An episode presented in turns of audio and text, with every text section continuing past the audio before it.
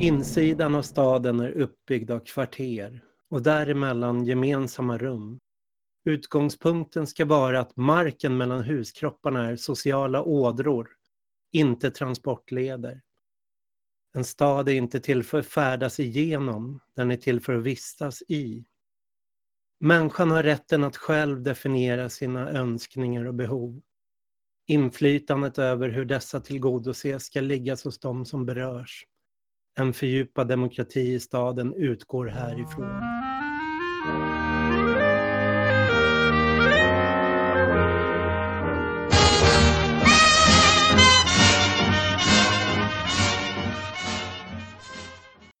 Det där var ett utdrag ur eh, pamfletten Stadsvärlden som gavs ut av Stiftelsen Stolta stad 1996 mitt under miljöstriderna i Stockholm kring eh, den stora motorvägssatsningen där med ringleder kring Stockholm.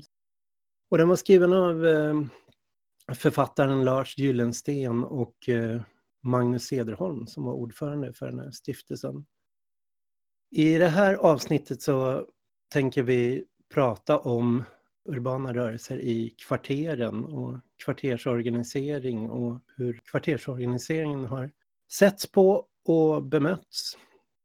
Och det är som vanligt jag, Mattias. Den här gången sitter jag inte i Stockholm utan jag är uppe i Dalarna i skogen och firar midsommar. Ja, jag sitter i Umeå, har precis gått på semester. Har det skönt. Jag ska väl också lämna stan snart, men inte än. Så jag sitter i mitt kvarter där jag Jaha. vanligtvis gör saker.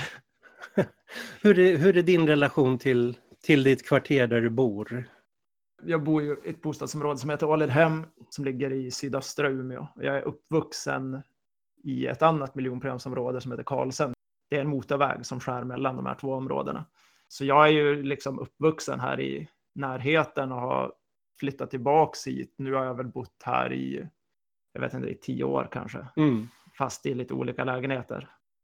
Och jag har ju varit engagerad också sedan 2010 i en grupp som heter Allt åt alla Umeå som har jobbat väldigt mycket med att ha någon slags kvartersnärvaro i just det här bostadsområdet. För vi är ganska många som bor här. Så min relation är väl ganska intim till mitt kvarter kan man väl säga. Mm. Det blir ju som mer så ju äldre man blir. Man lär känna mer grannar och det är mycket av de här grejerna som vi har snackat om i vissa av våra tidigare avsnitt, att det blir så informella lager av relationer. Man kommer i kontakt med folk när man bor länge på samma ställe genom helt olika sammanhang, liksom skolor och föreningar och, och sånt. Och så blir det så att man känner väldigt mycket folk. Jag trivs väldigt bra med det. Ja. Så, såklart.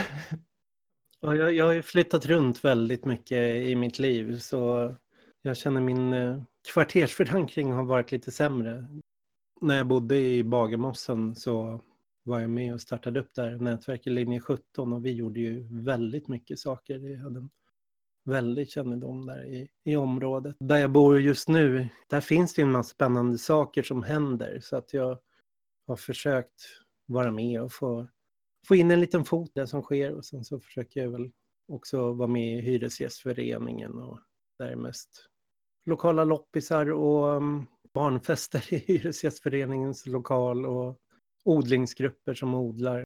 Men jag tänker att alla sådana här små saker, även om jag inte är intresserad just av dem, så är det ju det som skapar de här lokala gemenskaperna, kontakterna där man lär känna sina grannar, vilket är oerhört viktigt att ha sen om någonting händer där man verkligen behöver ha, en, ha stöd av sina grannar. Jo, exakt, det är väl mycket det läget ja, men förr eller senare så det kan ju dels vara att någonting liksom händer för en själv där man behöver otroligt mycket stöd och man kan känna sig ganska så socialt isolerad mm. där man bor om man hamnar i en sån situation. Men när det sker just sådana här gemensamma förändringar i omgivningen som påverkar många så är ju så är det där hela nyckeln till att någonting ska hända. Liksom. Det är många som tror att sånt händer av sig själv. Alltså att när någonting mm. dåligt händer så bara händer det på något slags magiskt sätt att människor börjar protestera och organisera sig och så. Jag har liksom aldrig sett det riktigt. Jag tycker att det ofta handlar om sådana djupa rötter av, av kultur och kontaktnät och sånt på specifika platser som gör att, att, det liksom, att människor blir välorganiserade i en sån situation. Ja. Så det är väl mycket så jag tycker att man ska arbeta politiskt kan man väl säga. Och jag tänker lite den här gången, det vi kommer gå in på förutom urbana rörelser, det är väl att diskutera en form av ideologi kring staden, kring att storstadsregionerna växer ju något enormt, expanderar och att det finns en slags uh, nyurbanistisk ideologi hur staden ska fungera och hur man tänker sig staden som stadsrörelser ofta har befunnit sig i konfrontation med.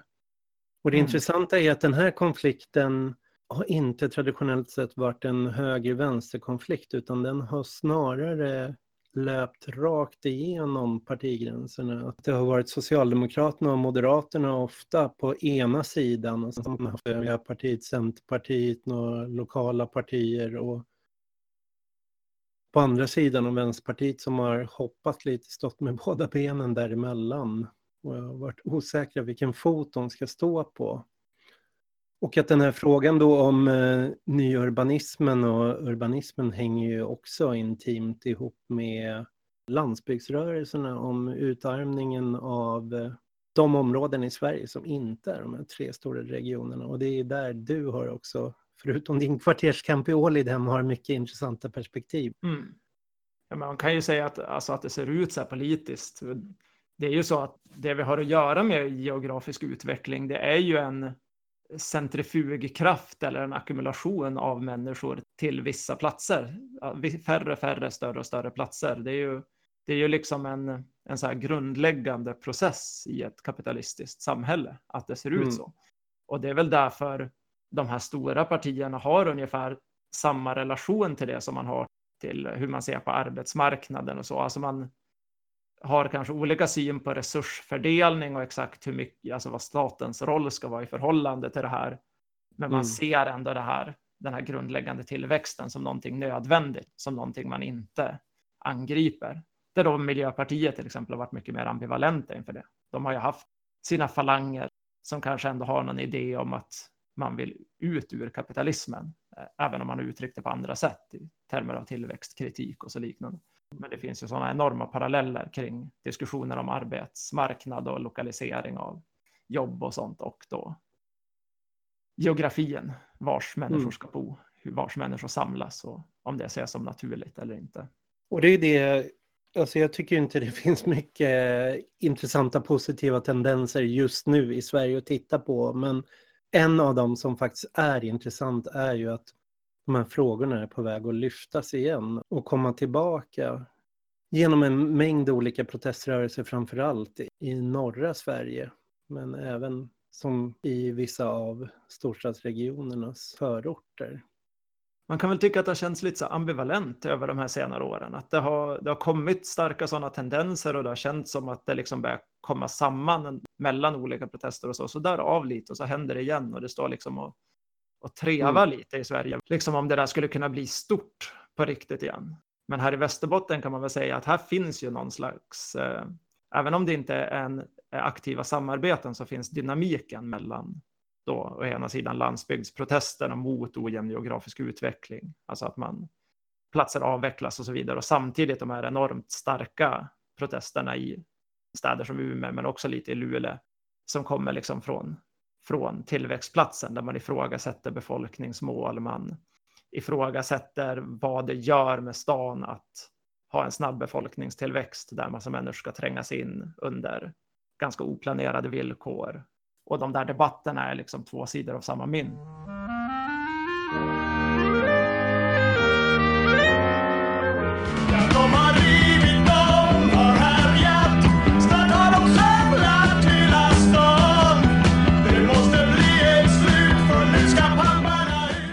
I Stockholm så de, de urbana rörelserna, de växte ju fram rätt sent som en så här, motreaktion på den här efterkrigstidens regionplanering i Stockholm. Det här var ju väldigt stora och långtgående planer. Man planerade framför allt för en väldigt lång tid framöver hur man byggde upp staden. Hjalmar Mer, han som var lite arkitekten bakom delar av Stockholms stadsomvandling, eh, rivningarna av Klara och hur man gjorde om hela centrum. Hade ju som vision att bygga en funktionsduglig stad där han formulerade att det skulle vara mycket mer en stad uppbyggd kring näringslivets behov. De här stadslösningarna var ju väldigt anpassat för en så här fordistiskt samhälle byggt på storindustri där näringslivet skötte liksom planeringen av, av industrin, produktionen och staten och kommunens uppgift var liksom att sköta med sina regionplaner var att sköta reproduktionen av arbetskraften, att man skulle bygga bostadsområdena, transporterna, daghemmen, skolorna, sjukvården.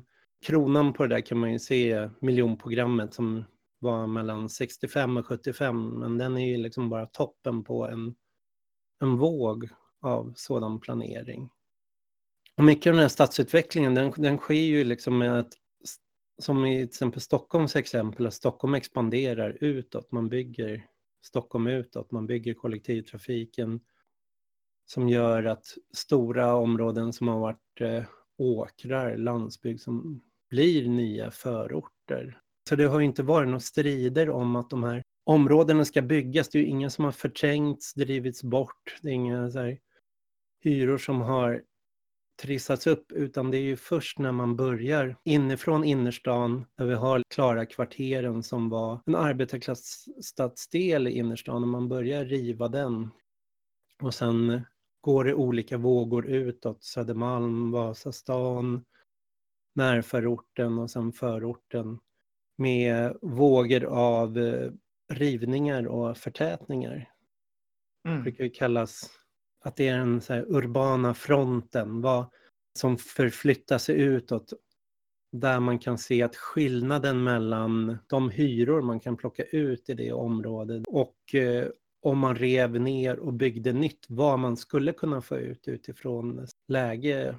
Det glapp har blivit så stort så att det blir, finns ett stort incitament, stort intresse av att genom att förtäta här göra vinsterna betydligt större i det. Och de mm. där urbana fronterna, de har ju liksom flyttat från 60-talets innerstad till nu så går de ju i ytterförorterna i Stockholm och passerar förstaden och utåt.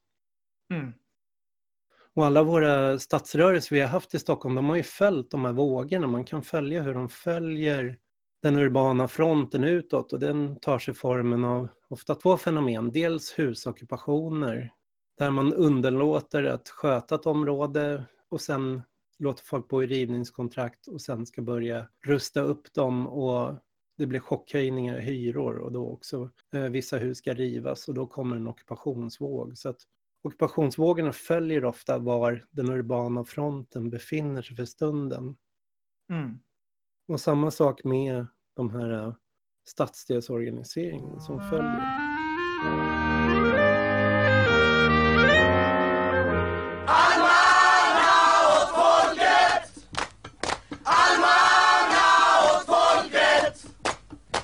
Den stadsdelsrörelse som föddes i Stockholm kan man säga, som är lite den första som den blev ju en reaktion på de här äh, efterkrigsåren och Hjalmar Mers planer, men den kom att reagera väldigt sent efter Klara var rivet. Almstriden 1971 är ju det kändaste exemplet och det lyssnar man på historieskrivning eller lyssnar på dokumentär så framstår det ofta som så väldigt så löjlig strid. Så det är några almar i Kungsträdgården som ska skäras ner för att det ska byggas en ny tunnelbaneuppgång där. Man förstår inte varför blev det en massrörelse kring det här? Varför blev det massmilitans kring det här? Men det har ju egentligen inte alls med de där almarna att göra utan det är ju en ny miljömässig urban rörelse som växer fram som eh, har sett det som har skett under en lång tid. Och almarna blir en sån symbolfråga som man får många att reagera kring. Det kristalliseras kring den frågan, men protesten har ju en längre historia och den får betydligt större konsekvenser. Och det finns en fantastisk eh, forskare, han gick bort här om året, som heter Ulf Stare. Han är forskare i etnologi, var forskare i etnologi på Göteborgs universitet som har skrivit en rad böcker om det här, som har följt den här stadsrörelsen.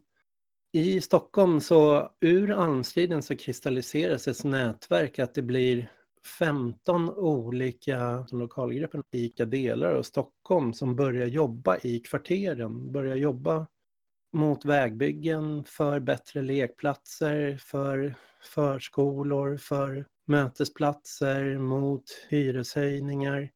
som är aktiva ända fram till 1980, de här 15 lokalgrupperna. Mm. Och det intressanta med den här rörelsen är också namnet, det man väljer att kalla det. Man väljer att kalla det för byalagsrörelsen. Det låter ju hur mossigt som helst i en stadskontext att kalla sig byalag, men det är för att den här synen på det som sker, den diskussion man har inom de här stadsrörelserna då, det är ju kopplade till landsbygdsrörelser och säga att man allierar sig med de landsbygdsrörelser som är vi flytt inte, att nu dras alla resurser, satsningar bort från landsbygden och samtidigt ska Stockholm expandera kraftigt med de här enorma satsningarna på Stockholm under Hjalmar Mer. Så att byalagsrörelsen bygger ju någonstans på att markera någonstans en kvartersgemenskap men också att eh, koppla urbaniseringen och stadsexpansionen med att det är en ohållbar utveckling och att det måste leda till, man måste vända den utvecklingen. Följden blir lite i Stockholm också faktiskt att eh, Stockholm expanderar fram till början av 70-talet. Sen eh, kommer en kris. Centerpartiet går väldigt starkt framåt, blir näst största parti 1973. Då är Centerpartiet det parti som hårdast driver frågan om decentralisering i Sverige, att det inte ska vara en centraliserad satsning på Stockholm. Så den frågan lyfts fram där väldigt mycket. Hela den här centraliseringsideologin och tillväxtideologin kommer att, att ifrågasättas från vänstern och från Centerpartiet. Mm. Det är en så intressant allians där och då stoppas också de här enorma stora planerna för Stockholm, de här regionplanerna, att ända fram till tidigt 90-tal, från tidigt 70-tal, så sker inga sådana här riktiga storskaliga planeringar längre i Stockholm. Dels för att det är för kostsamt, men dels också för att de här rörelserna har blivit för starka och lyckas eh, bromsa upp den här utvecklingen. Men det leder ju också till att de här rörelserna vinner en massa vinster att man lyckas eh, reformera plan och bygglagstiftningarna till att ge mycket större inflytande för lokala boenderörelser. Exakt. Alltså det är både objektiva och subjektiva rörelser som kommer där på 70-talet. Alltså mm. att Stockholms tillväxt stannas av av den ekonomiska krisen och av rörelsepåtryckningarna liksom i stan. Men samtidigt också att protesterna på landsbygden leder till att man börjar få den här utflyttningen, alltså det som benämns som den gröna vågen, som mm. i huvudbild kanske, när man tänker på det, så, så tänker man kanske på det som så här massa hippies som flyttar till landet, men det är inte riktigt så enkelt, för det är, det är en mycket större demografisk utflyttning från primärt Stockholm till, till landsbygden, som är så pass stor att den är mätbar under de här mm. åren. Eh, och där, där sätts ju hela det trycket från andra hållet också det börjar uppstå den här dynamiken mellan landsbygdsrörelser och stadsrörelser som gör att Sverige börjar skaffa en regionalpolitik. Innan har man egentligen inte haft en regionalpolitik i Sverige, utan man har mest haft en... Alltså de städer eller orter som har växt har helt enkelt varit de som har haft lokaliseringar av naturliga omständigheter, om man ska uttrycka sig så. Här finns det en, en uthamn som är perfekt att skippa timmer från. Liksom. Då bygger man ett sågverk här och så växer upp en ort kring det och så funkar det på det här sättet. Men någonstans vid den här punkten så börjar man liksom diskutera regionalpolitik i Sverige också och införa de här industrilokaliseringsstöden och, och massa andra grejer. Efter att staten egentligen har gjort precis tvärtom. Man har försökt liksom tvinga människor som inte har fått jobb i norra Sverige att flytta till platser där det då finns jobb som Stockholm under 50-60-talet. Så det är ju liksom subjektiva rörelser från flera håll som de här stora objektiva omständigheterna som sätter i mm. här. Ofta nu i efterhand så skildras det här som en ren miljörörelse, men miljöfrågan i det här fallet det är ju en så här statsekologisk eh, fråga som inte går att skilja från eh, synen på boende, levande, var man ska ha sina barn, var man ska kunna mötas. Så att den har en väldigt demokratisk sida, att eh, de boende ska få ha inflytande över sina närområden och kunna vara med och besluta om hur det ska se ut där. Så att den här byalagsrörelsen i Stockholm med 15 olika lokalgrupper, den koordineras ju genom en, eh, ett organ då som heter Alternativ stad. Och just den här, den alternativa staden blir ju som en programförklaring för det här. Att det är inte så att man eh, motsätter sig urbanismen helt och liksom vill störta städerna utan det är ju man vill föreställa sig en alternativ stad, se till den här eh, levda bebodda stan, de människorna som faktiskt bor där.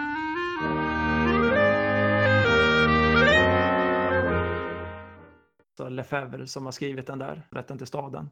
Han skrev den under 68 tror jag, i Frankrike, precis under det året. Eh, och den handlar ju väldigt mycket om att, att det här inte är ett sätt att prata om, om individuella rättigheter, utan att tänka sig stan som någonting gemensamt, som någonting vi har tillsammans och där våra behov och begär ska liksom utvecklas och tillfredsställas. Och en helt annan planeringsdiskurs egentligen än den här som man ser hos Mer och de här sociala ingenjörerna som mm. väldigt mycket tittar på någonting uppifrån, nästan spelar Simcity med, i sitt stadsbyggande. Ja, det är det jag gillar väldigt mycket med det inledande citatet vi läste ur Stiftelsen Stolta stad, deras stadsvärden, vad värdet med staden är. De betonar både den här demokratiska aspekten av en fördjupad demokrati i staden, måste utgå från människornas rätt att själva definiera sina önskningar och behov där de bor och också se att staden är en, en social kropp. Det är inte bara en fråga om transporter av arbetare till arbetsplatserna eller, eh, utan det är, det är faktiskt områden som vi vistas och bor i. Och där mm. är ju liksom de här urbana rörelsernas kärna någonstans. Hur demokratiserar man de områden där vi bor? Man kan ju tillägga också att alltså väldigt mycket av det här händer ju i en, i en ganska liten stad som Umeå under under den här perioden också, men kanske lite förskjutet från Stockholm då. Det finns ju lite olika förklaringar till det, men man ser ju de här, den här kombinationen av eh, hyresorganisering och sådana strider och att det börjar dyka upp husockupationer som framförallt riktar in sig i de här urbana fronterna där man river i stadskärnan för att bygga parkeringshus och gallerior mm. och sånt. Allting det där dyker upp där under 70-talet och liksom, men det går in en bit i 80-talet i Umeå. Så det finns lite en mm. tidsmässig förskjutning när det där kommer. Och den största striden vi har här egentligen också är ju en eh, ockupation av en skogsdunge här på Ålidhem där jag bor 1977. Mm. Eh, som väl på lite samma sätt är, det är en väldigt konkret fråga som handlar om liksom att ha närhet till natur i sitt bostadsområde och en syn tror jag på Umeå som vi fortfarande diskuterar väldigt mycket. Mm. Där vi har de här modernistiska politikerna som åker bil och planerar stan utifrån ett, bilåkande synsätt som är så här, men vadå, vi är ju i Norrland, det finns skog överallt. Vi kan ta bort skog i stan, liksom. Men samtidigt har man planerat de miljonprogramsområden här eh, där det flyttar in massa folk som inte har bil för att även om det finns planerat att de ska kunna ha det så har de inte det för att de är fattiga eller de väljer att cykla för stan är ganska liten och så vidare. Och då är det helt plötsligt ett stort projekt för de miljonprogramsboendena att ta sig ut till utkanten av städerna där natur ligger. Så det blir ganska liksom kritiskt direkt att börja försvara de här mm. kilarna och ja, men, småområdena i bostadsområden där man kan plocka bär och bygga kojor. Och... Men man ser ju samma, precis som det bildas alternativ stadgrupperna i Stockholm så så bildas det ju massa sådana här fristående kvartersrådsgrupper på 70-talet i Umeå.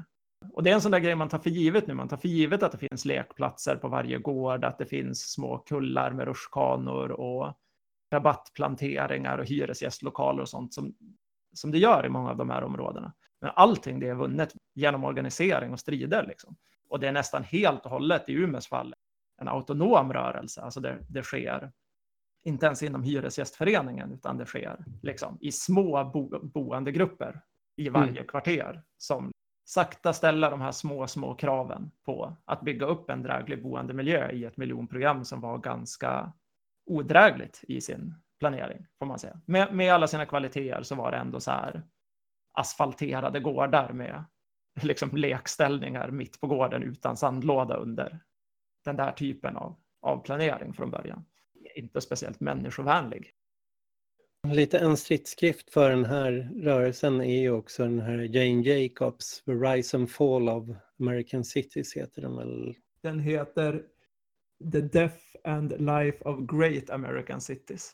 Och det intressanta med den skriften är ju att den blir en stridsskrift både för de här urbana rörelserna som kämpar för stärkt demokrati i sina kvarter.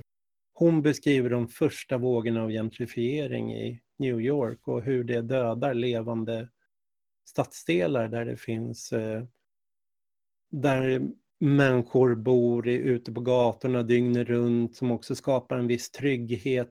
Det finns äldre och nyare hus i blandade former som gör att det är, i samma kvarter kan du ha väldigt billiga bostäder och väldigt dyra bostäder vilket gör att det är en väldigt mångfacetterad sammansättning där. Att det är det som kännetecknar en stad, att det finns de här äh, olika lagren på samma plats som gör att du kan ha fattiga och rika, invandrare, infödda, småbutiker, storbutiker äh, inom samma område. Och hon börjar se den våg av gentrifiering då, första som slår ut det där och skapar som monokulturer, att det är bara en visst inkomstskikt som har råd att bo där att mm. Eh, de ställen du öppnar några stora restauranger så flyttar fler restauranger till så det blir som en monokultur och gatorna blir döda och tomma på kvällarna eller så blir det alla kommer in och festar där på fredagen, går på pubbar och sen drar och att det skapar en väldigt otrygg stad. Men det här blir ju också en eh, grund för de här nyurbanistiska rörelserna som ser att det, det här är idealet. Alla vill bo i en stadsmiljö. Alla vill bo i en urban miljö. Mm. Så jag vet att när man diskuterar det med, med stadsaktivister tror jag den verkligen så älskade och hatade. Alla, folk ser den här boken som roten till allt ont eller som verkligen en föregångare i att förstå vad gentrifieringen dödar i, mm. i stadsdelar.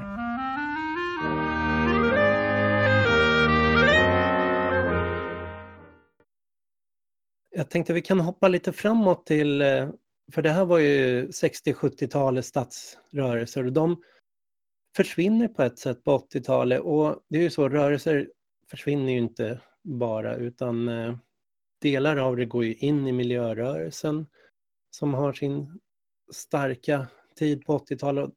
Du pratar om Stockholm ganska specifikt när du säger att det ja.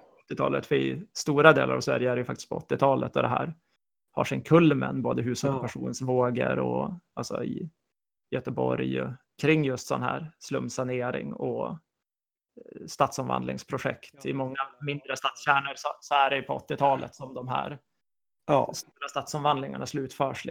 Men byalagsrörelsen i Stockholm, det är, många där går ju också in i Hyresgästföreningen och så har jag förstått att det även sett ut i flera andra städer. Så även i Umeå väl att de här Ja, precis. De började ju verka inom Hyresgästföreningen som jag har förstått också. Och sen hade vi liksom en, ja det är en komplicerad process, men vårt eh, kommunala allmännyttiga bolag gick ju liksom in och, och kuvade det där med en ganska aktiv strategi sen under en bit mm. in på 80-talet.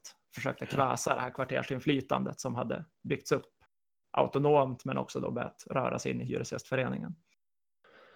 Men det som sker är ju också en förändring i hur eh, stadsplaneringen går till från en mer fordistisk stadsplanering till en postfordistisk där istället för att se stora arbetsplatser, stora industrier så börjar man tänka i produktiva regioner, hur man kan förbinda mängder av små underleverantörer i kedjor, knyta till utbildning. Ja, det här kommer ju framför allt i skiftet mellan 80 och 90-tal. Det börjar ju komma liksom där i liksom ett årtionde tidigare internationellt i storstäderna. Det finns ju en teoretiker som jag refererar till jätteofta som heter David Harvey som har skrivit om just det här skiftet.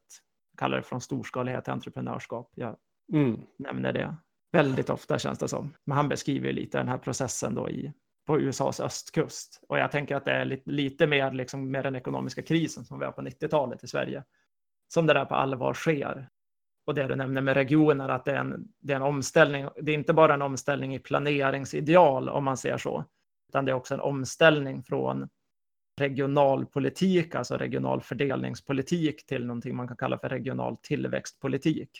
Där helt enkelt istället för att staten har liksom den här övergripande ansvaret på att se var man kan stoppa in industrier och bostadsområden och så vidare för att få någon slags balans i samhället så ställer man om till till en struktur där alla nivåer egentligen, städer, regioner, ska konkurrera mot varann om resurser genom att erbjuda förmånliga villkor för att mm. det ska gå att investera där. Liksom. Det är där verkligen vi börjar få den här stora accelerationen i Sverige i urbaniseringen igen.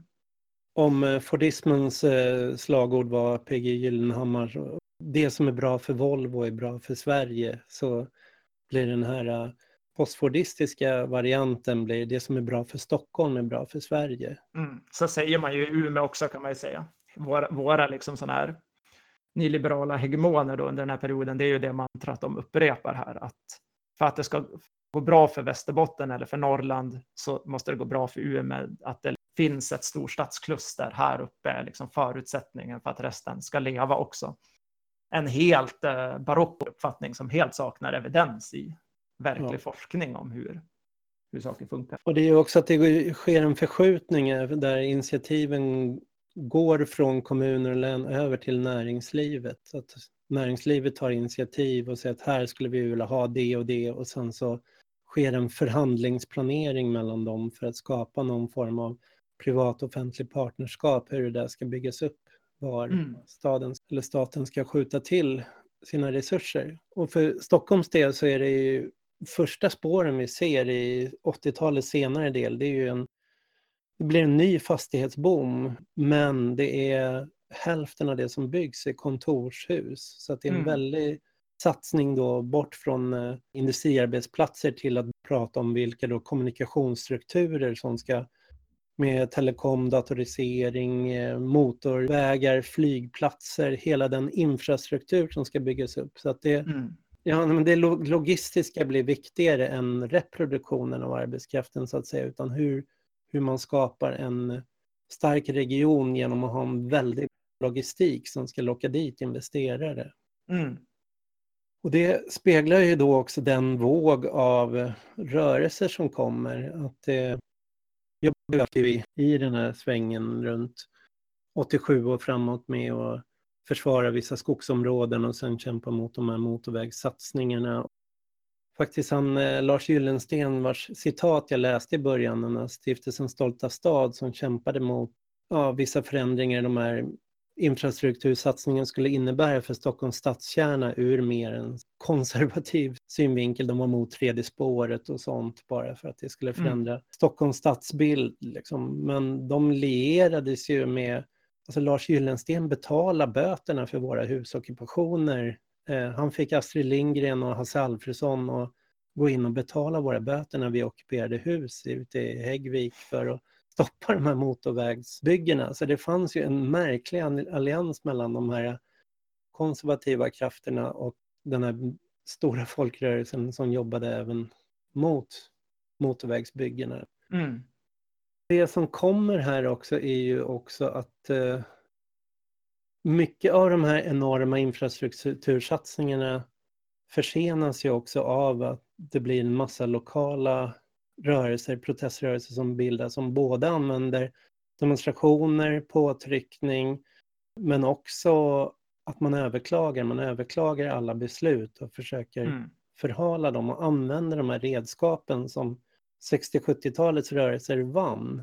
Och det är ju där det här begreppet börjar bli ett skällsord med NIMBYs, not in my backyard, så att det börjar bli en så här nedsättande stämpel som smetas på sådana lokala proteströrelser. Mm. Som också har utgått ganska mycket från den här idén om att om lokalt självbestämmande, om att de som är berörda ska mm. liksom få fatta beslut. Eh, ett demokratiseringsideal som man försöker vända till då i, i den här termen försöker man vända det till liksom ett eh, privilegierat egenintresse kan man säga. Jag skrev en ledare i Fria Tidningen för något år sedan. För då var det här uppe i någon debatt i Stockholm som, som gjorde att jag kände att jag ville skriva det just då. Jag tycker det här är så intressant för att när det här dyker upp i Sverige, det följer ju ganska mycket hur den här nyliberala retoriken kommer i Sverige och, och hur den också angriper fackföreningar. Fackföreningar mm. beskrivs ju ofta på samma sätt som liksom en arbetararistokrati eller liksom ett eh, privilegierat skikt av arbetare som liksom har lärt sig att obstruera eller få vad, vad de vill men med på bekostnad av att det stänger ute en viss grupp från arbetsmarknaden. Det är ju så nyliberaler pratar om så här. Mm. Fackens krav. Att det är de som är på insidan som stänger ute de som är utanför, de arbetslösa och så vidare. Och så bygger man liksom en antifacklig kritik kring det där. Nästan exakt så funkar för mig den här NIMBY-retoriken också. Att istället för att se det där som en demokratisk utveckling där mycket makt har hamnat hos de berörda så börjar man eh, utmåla dem som privilegierat skikt som där man framförallt måste un börja undanröja de verktygen som de använder för att kunna hålla stånd i olika konflikter. Mm. Så jag tycker att den här parallellen är väldigt intressant. På så sätt så blir det ju liksom en, det är en nyliberal arbetsmarknadsdiskurs och en nyliberal statsdiskurs mm. som kommer parallellt och säger egentligen samma saker. Det är spännande att se hur det där sipprar in både i högern och vänsterns retorik, att även vänstern plockar upp det men har en lite annan vinkel på det där man ser att men det här är eh, bara högljudda minoriteter som blockerar allmänintresset. Att eh, vi mm. har en stor bostadsbrist, vi måste bygga bostäder men i varje område vi måste bygga så finns det några lokala proteströrelser som är för starka som, som blockerar det mm. där och att det, det finns den föreställningen som är, som är faktiskt falsk. mm. Även om det finns exempel att lyfta fram. Liksom. Och jag fattar i många fall att folk blir förbannade. Att nu, nu i veckan var det en sån nyhet hur villaägare i Bromma blockerar hyreshus ska byggas i deras område. Ja, jag såg det. Det, det är ju inte en urban front längre utan det är ett område där som har högt marknadsvärde för sina fastigheter där och att de oroas för att det skulle dras ner av förtätningen för villaområden, att de skulle mm. få ut mindre för, för sina villor. Men jag menar, det går ju att använda Läkarförbundets sätt att agera jo. fackligt på samma sätt och det är ganska få Precis. människor som bryr sig om fackliga rättigheter som skulle berättiga att man behövde mm. lösa upp LAS och MBL med hänvisning till att Läkarförbundet är ett för starkt privilegierat särintresse och använder just de här lagarna för det. Liksom. Så det, det, det jag tycker är intressant där med vänstern är att, att man har någon slags ryggmärgsreflex när det kommer till det fackliga i att kunna förstå det här på en, på en större nivå. Man kan se hela bilden och se hur det här enskilda exemplet används som en kil för att mobilisera grupper mot mm. de här demokratiska framstegen som man gjorde under 70-talet. Medan liksom på arbetsmarknaden så, så är man lite bättre på att, på att uppmärksamma att det är det som händer. För det är ja. ju verkligen det som händer nu på, från 90-talet, men framför allt under 00-talet och nu in på 10-talet. Så har ju de, det här matats som en linje för att just börja kräva inskränkningar i de här möjligheten att överklaga. Det till dykt upp sådana här förslag på att man ska, måste betala för att överklaga, vilket inte alls skulle slå mot de här Bromma-protesterna som vi snackar Nej. om nu till exempel. De kan ju betala för sina överklaganden, utan det skulle ju snarare slå i de här urbana fronterna där det bor ganska fattiga människor som kanske inte är rörliga med bil eller knappt med kollektivtrafik och därför har väldigt stort behov av att ha kvar sin gröna kil precis där mm. de bor. Det är enda sättet barnen på dagis kan ta sig till någon natur tillsammans med sin förskolegrupp. Det, det är de grupperna som, som kommer att förlora på det. Arkitekterna bakom den här sidan Archie Leaks, de har ju spårat lite hur de här argumenten kom fram om att eh, vårt stora hot mot bostadsbyggande är Nimbys. Och det, mm de här leder ju till en så smart PR-kupp som eh, byggherrarna NCC gjorde i Almedalen 2012. Där de presenterade en undersökning där de jämförde svenska planprocessen med den tyska och kunde visa då att så här lång tid tar det att bygga i Sverige. Det är så oerhört trögt, tar så lång tid på grund av att eh, de boende har så stort intresse Medan i Tyskland så går det så här snabbt. Och när Archileaks tittar på det, de menar ju att ja, men de har jämfört äpplen och päron. De har tagit ett eh, lättkonstruerat område i Tyskland och ett rätt svårkonstruerat område i Sverige och jämfört. Mm. Och att det har inte varit likvärdiga, likvärdiga exempel.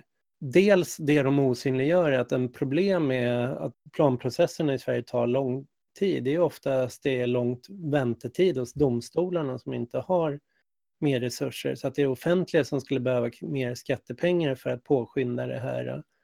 Men eh, det vill man inte, utan istället så gör man det demokratiska inflytandet som eh, huvudproblem i det här. Och då ser ju hela den här eh, processen med detaljplan ut att man räknar med att det finns tre berättigade intressen som ska ställas mot varandra. Och det här tar ju tid om man ska demokratiskt väga att alla de här ska få komma till tas, men samtidigt så ger det också byggprojekten en förutsägbarhet och en projekteringstrygghet, att man vet att man har gått igenom det här. Och det är dels markägarnas och byggherrarnas är ett sådant intresse. Allmänintresset, medborgarnas allmänintresse, ja, att det ska byggas bostäder, är det andra intresset. Och det tredje är de boende i området som är det tredje intresset. Mm. Så det man eh, som görs både från höger och vänster då är liksom att det här boende i området ska minskas och försvagas.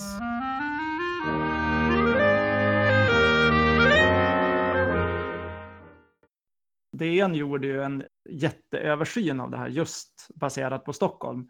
Och man ska diskutera det här lite olika i olika städer, men i Stockholm gjorde de en översyn 2016 där de tittade mm. på på just den här överklagandefrågan som då hade hamrats i några år som ja, men den här NIMBY-grejen som problemet för bostadsbyggande i Sverige. Då tittade man på en så här tioårsperiod vad det var som på om det här verkligen stämde. Alltså är det, är det överklaganden av närboende som, är, som gör att byggandet tar lång tid i Sverige?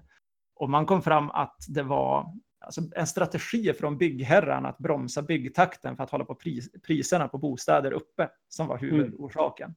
Alltså att man ja. helt enkelt skaffade markanvisning på områden och sen taktiskt väntade med att bygga tills vissa saker låg i fas för att man skulle kunna få ut maximalt försäljningspris när man väl byggde. Så i Stockholm hade man jättemycket markanvisningar som inte byggdes någonting på sådana här skäl. Liksom.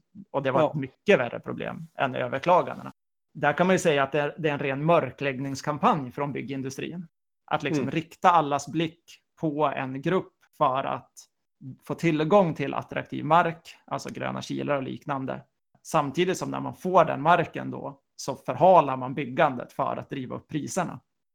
Och de byggrätter man sitter på i förorten där det finns angivna, de, det är ju samma vinstavkastningskrav på alla, men där mm. bedömer man att det är svårare att få ut att det, det kommer inte flytta in lika köpstark befolkning, så man kan inte plocka ut lika mycket vinst där. Därför sitter man bara och håller på de byggrätterna mm. där.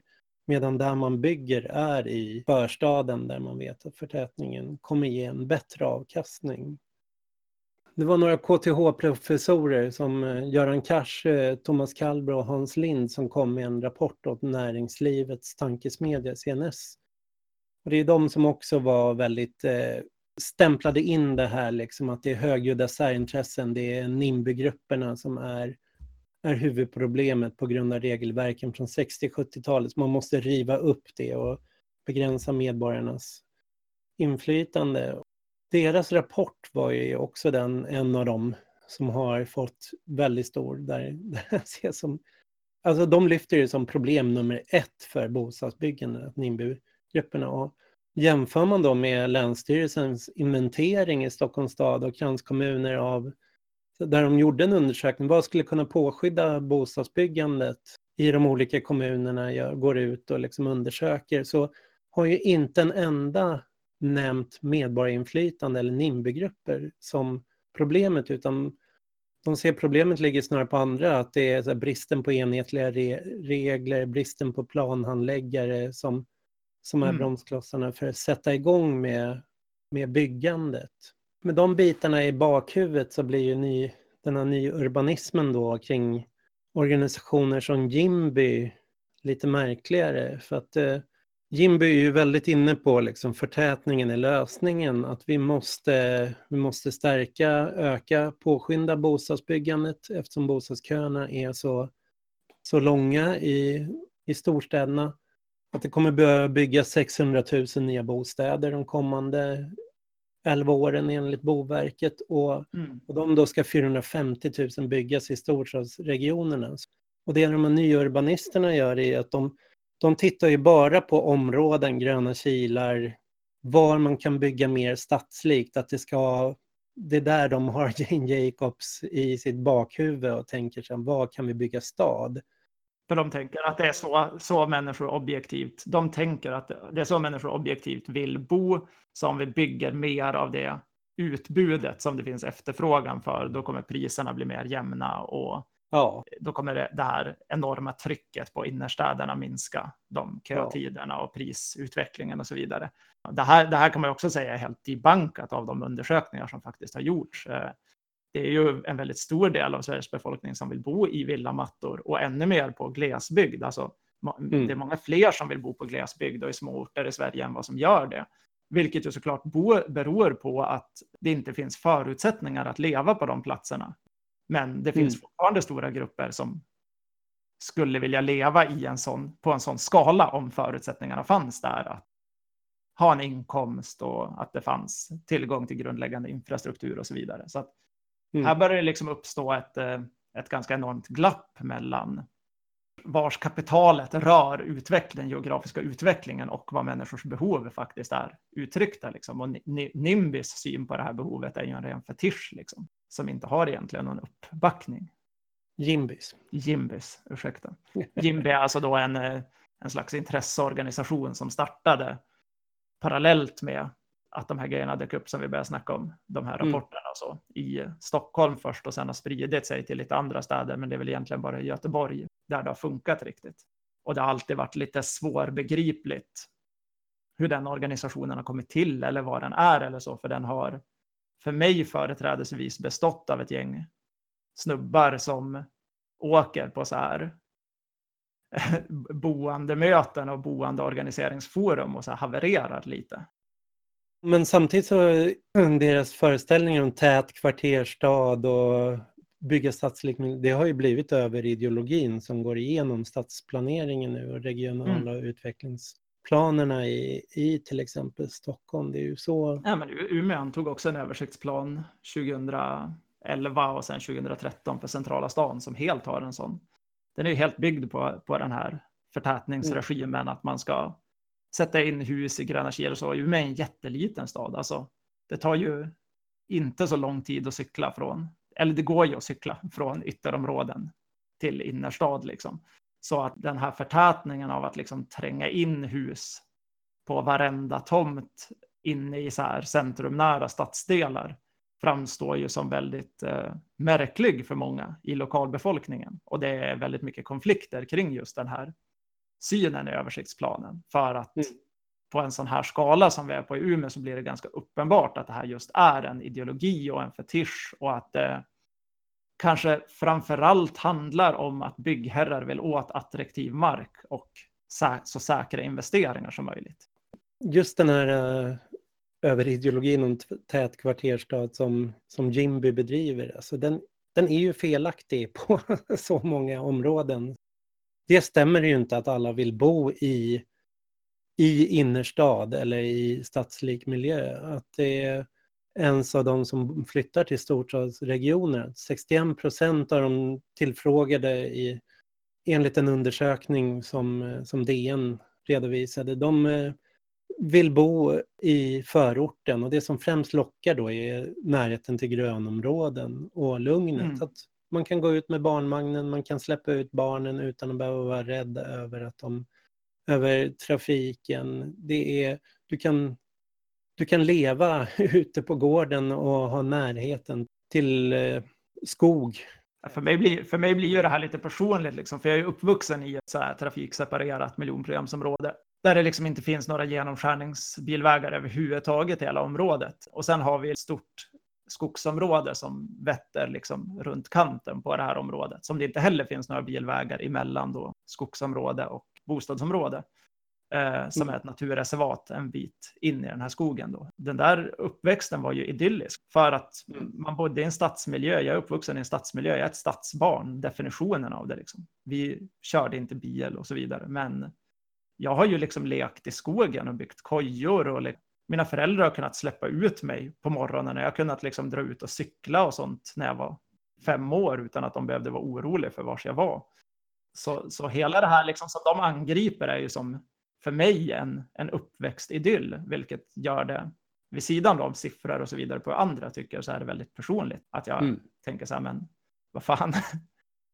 Det kompletteras också med en form av nyspråk där man pratar om de här gröna kilarna eller grönområden som, eh, som segregerande. Att, eller vad heter det, trafikseparationen också som, eh, som segregerande eller att det, det skapar inte en stadslik miljö. Så att om man i Stockholm till exempel besöker eh, Hammarby sjöstad eller norra Djurgårdsstaden som är byggd efter de här idealen så har du ju bilvägarna mitt i kvarteren. Mm.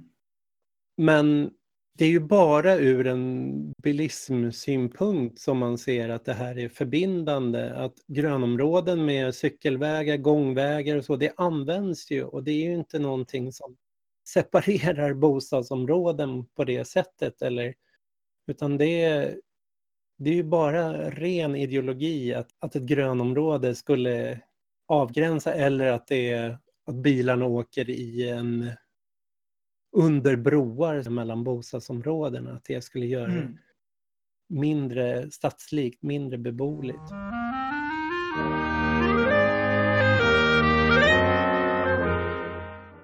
Om man läser Jane Jacobs så beskriver ju hon styrkan med staden är mångfalden av eh, det finns billigare och dyrare och det finns det är lätt att starta småbutiker och så. Och Hammarby sjöstad till exempel, det är ju inte stad ur Jane Jacobs synpunkt. För där är allt byggt samtidigt.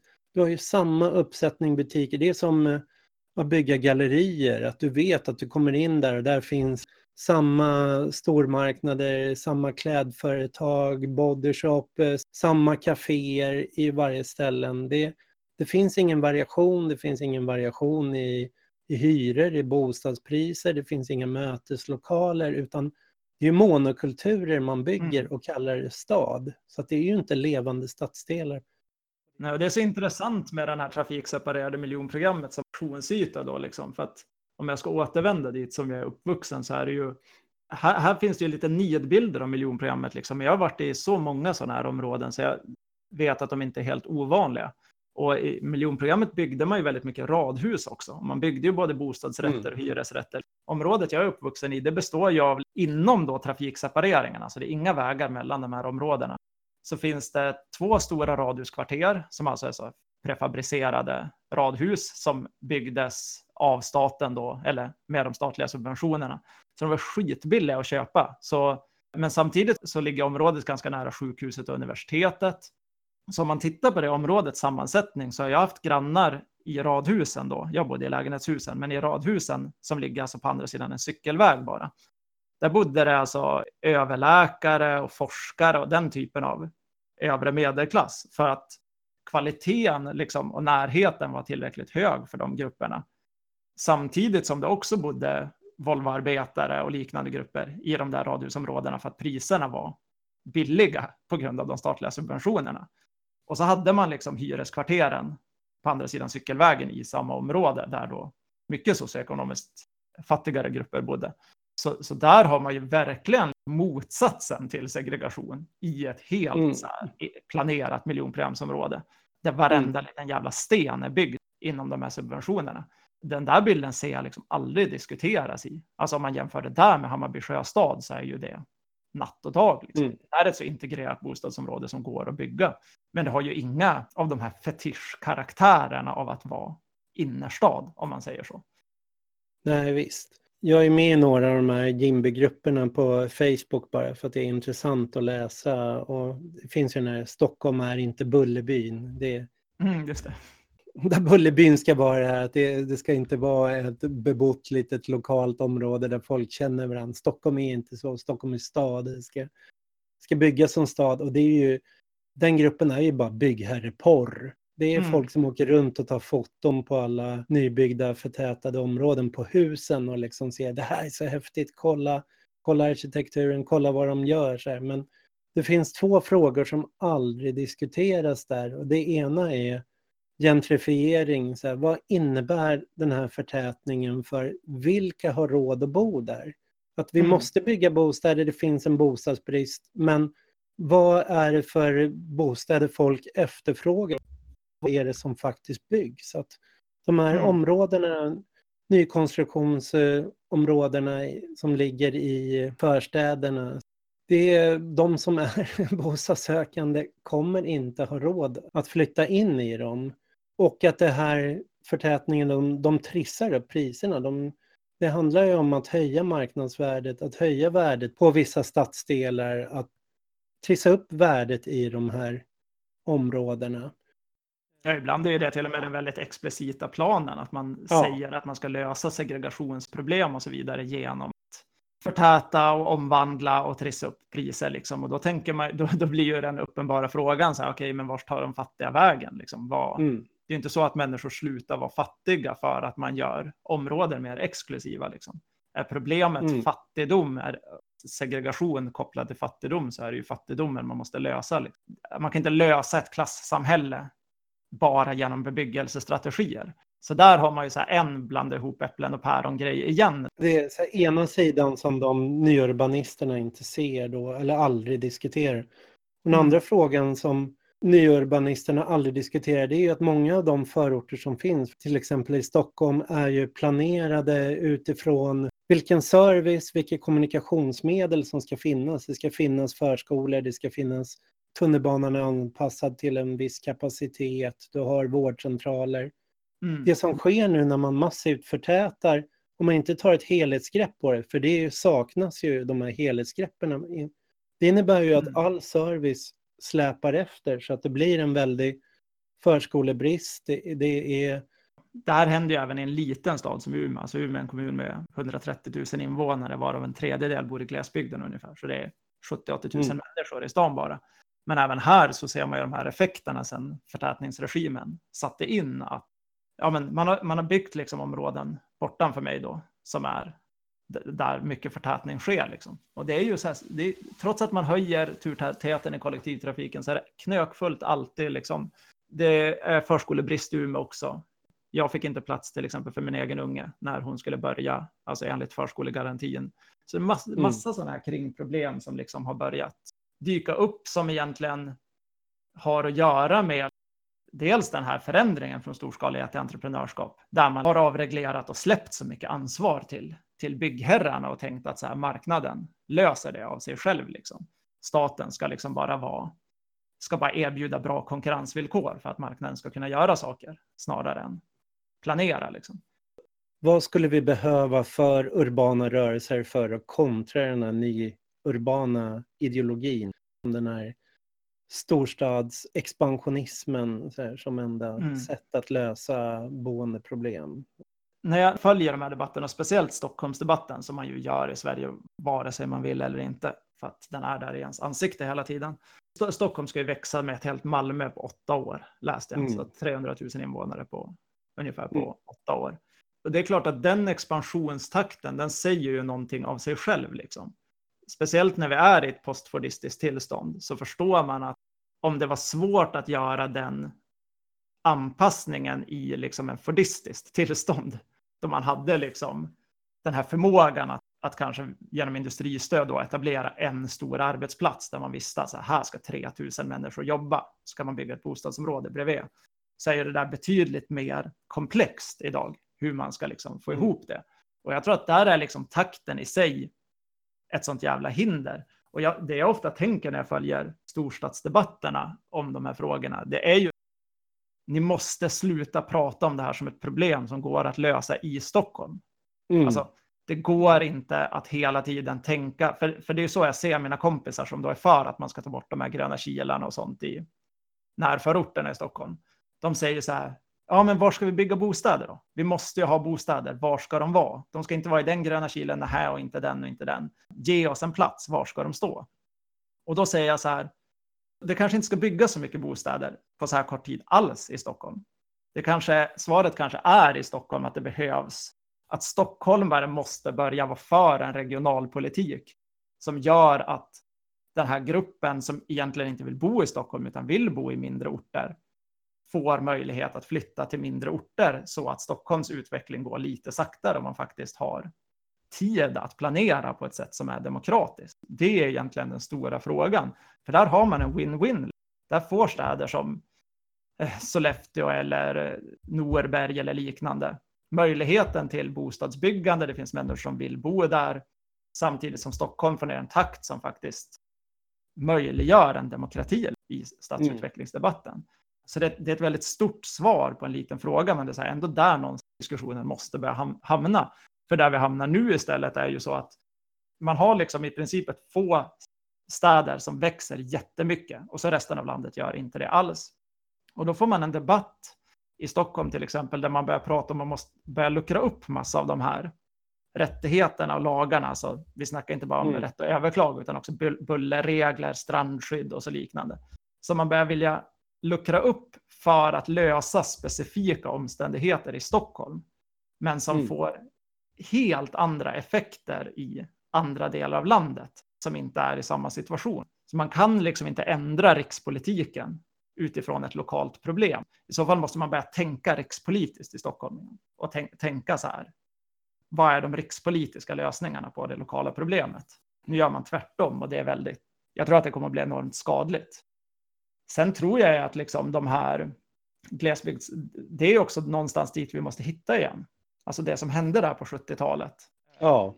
Med glesbygdsproteströrelser som gick i allians med stadsrörelser och som gör lite det vi har pratat om i Umeå under de här åren. Man ser så här att okej, okay, men ni har problem med att resurser dras undan, att folk sticker. Vi har problem med att folk kommer hit för fort så att allting sätts på undantag. Våra barn får gå hela sin skolgång i baracker.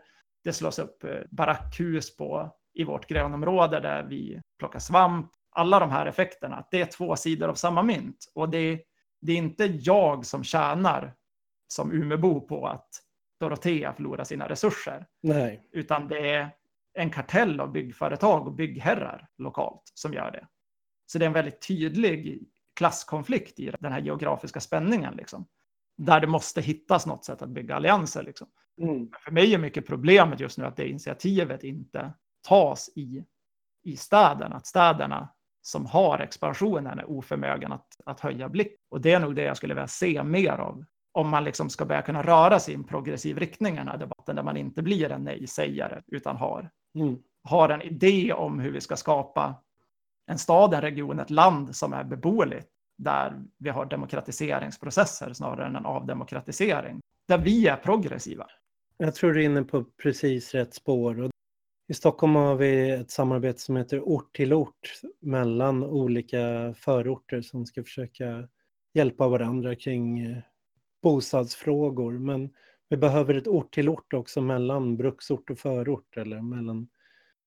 Ja, det är inte ens bruksorterna längre utan det är ju, det är ju till och med, alltså om vi hoppar till 70-talet så var ju det en byarörelse för att, mm. eller, eller en bruksortsrörelse, alltså vi pratar om småorter men det är inte det vi pratar om längre utan vi pratar om städer av Umeås storlek, alltså vi pratar om Sundsvall och Eskilstuna och Kalmar, alltså mm. det, städer med 100 000 invånare som har en entydigt negativ utveckling och där i den mån det har funnits en befolkningsutveckling på 2010-talet så har den egentligen bara varit flyktingkrisen. Mm. Den så temporära lokaliseringen av flyktingar är det enda som har visat en tendens till att bryta stagnationen på de platserna.